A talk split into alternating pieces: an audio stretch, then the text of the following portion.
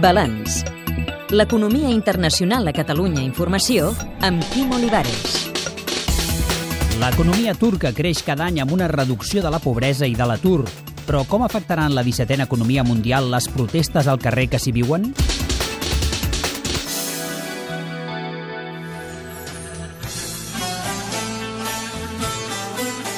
Turquia té una economia exportadora i diversificada amb l'automoció, la construcció, el sector agroalimentari i el turisme com a capdavanters. Durant els últims 10 anys el producte interior brut per persona s'ha triplicat i el govern disposa d'una elevada liquiditat. Això l'ha portat a embarcar-se en algunes obres faraòniques. Javier Albarracín és director de l'àrea de desenvolupament socioeconòmic de l'Institut Europeu de la Mediterrània. Perquè l'objectiu explícit de Turquia és, en el 2023, any en el que serà el centenari de la creació de la República de Turquia, Turquia pugui ser una de les 10 economies més grans del món. I per contribuir a això estan encetant grans projectes d'infraestructures. Es planteja un canal artificial paral·lel al Bòsfor, nous ponts per sobre el Bòsfor, un tercer aeroport que espera que pugui moure o que tingui una capacitat de 150 milions de passatgers anuals, la qual cosa el convertiria en el primer aeroport a nivell mundial. I es plantegen altres obres d'infraestructura de gran magnitud.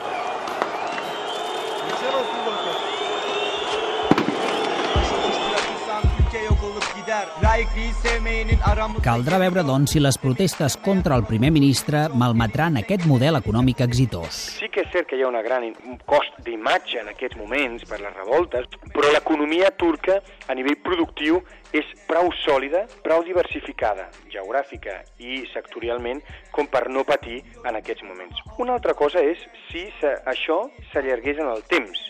Erdogan comencés a mobilitzar les masses que han estat recolzant el seu govern. O comença a acusar a certs sectors econòmics d'estar darrere o de donar recolzament als manifestants. Sentim el que deia fa uns dies Recep Tayyip Erdogan, primer ministre de Turquia. Türkiye'nin imajının bozulması gayretleri... Els esforços per distorsionar la imatge de Turquia s'han posat en marxa amb un pla sistemàtic.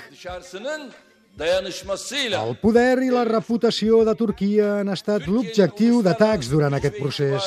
Yine bu süreçte hedef alınmıştır. Qui pot haver al darrere d'aquest pla que denuncia Erdogan? Hi ha dos èlits econòmiques a Turquia. Una èlit més urbana, més laica, que es concentra més a Ankara, a Estambul, Antàlia, els llocs més turístics i industrials i de serveis històricament molt vinculat a l'Estat, i una altra que ha crescut més encara amb els, darrers, els darrers 10 anys, que és aquesta èlit més vinculada al sector industrial, agroalimentari, de l'interior de Turquia, més pietosa des d'un punt de vista religiós, per tant més musulmana, a través de donar treball, de generar riquesa, creia que era millor creient i per tant ha treballat molt fort en els darrers anys. Per tant, hi ha dues èlits que han d'acabar de trobar l'encaix. Fins ara, alguns dels empresaris estrangers que treballen a Turquia no han notat l'impacte de les protestes populars.